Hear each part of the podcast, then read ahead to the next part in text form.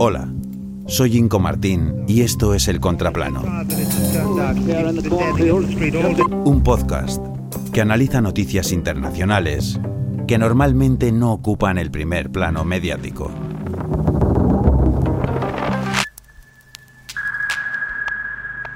La diosa Machu.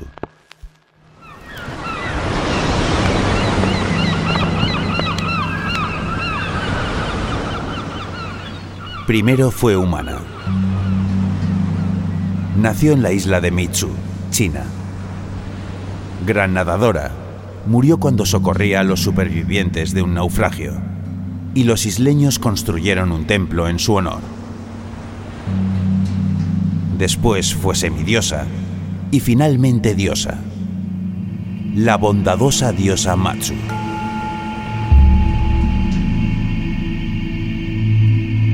La diosa protectora de pescadores y marineros.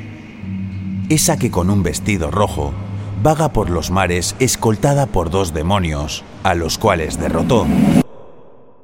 Y ahora le sirven. Pese a contar con más de 500 templos repartidos por toda Asia, la diosa Matsu es venerada sobre todo en la zona costera del sudeste de China y en Taiwán. Y en los últimos tiempos, su figura ha emergido en el epicentro del conflicto entre Pekín y Taipei.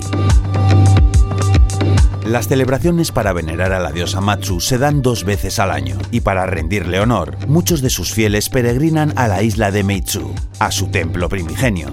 Muchos de ellos son de origen taiwanés y cruzan el estrecho de Taiwán para cumplir con lo que consideran su deber sagrado. Todo ello sin darle la menor importancia al suelo que pisan. La fe por encima de todo.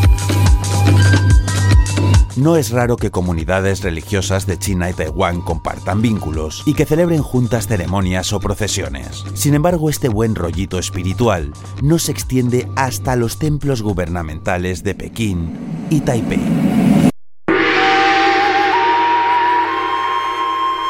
Las autoridades chinas ven con buenos ojos que órdenes machu de origen taiwanés viajen a China. Prueba de ello es que permiten, alientan y facilitan lo que ellos denominan como bellos intercambios culturales. Estas órdenes son incluso recibidas por altas autoridades, las cuales claman y ruegan por la armonía entre Taiwán y China. Un paso hacia la unificación en un paraíso de paz y prosperidad, para que la descarriada Taiwán vuelva al seno de su madre.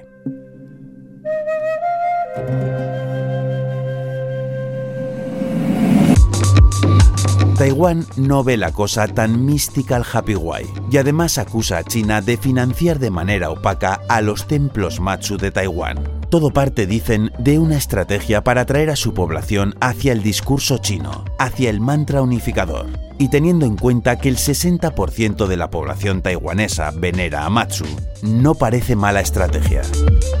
Sin embargo, la libertad religiosa en Taiwán y el riesgo a perder votos hacen que el gobierno se resista a tomar medidas contra estos llamados intercambios culturales, pero alerta a su población de las artimañas chinas para influir en el actual aura político-social taiwanés. Religión mediante. ¿Y qué pensará la diosa Matsu mientras vaga entre las aguas que separan Taiwán y China? Tal vez esté pensándose en luchar contra la política, derrotarla y ampliar su escolta demoníaca con una horda de políticos. O tal vez decida luchar desde la política. Viendo el devenir de esta motosierras en alto, no sería de extrañar.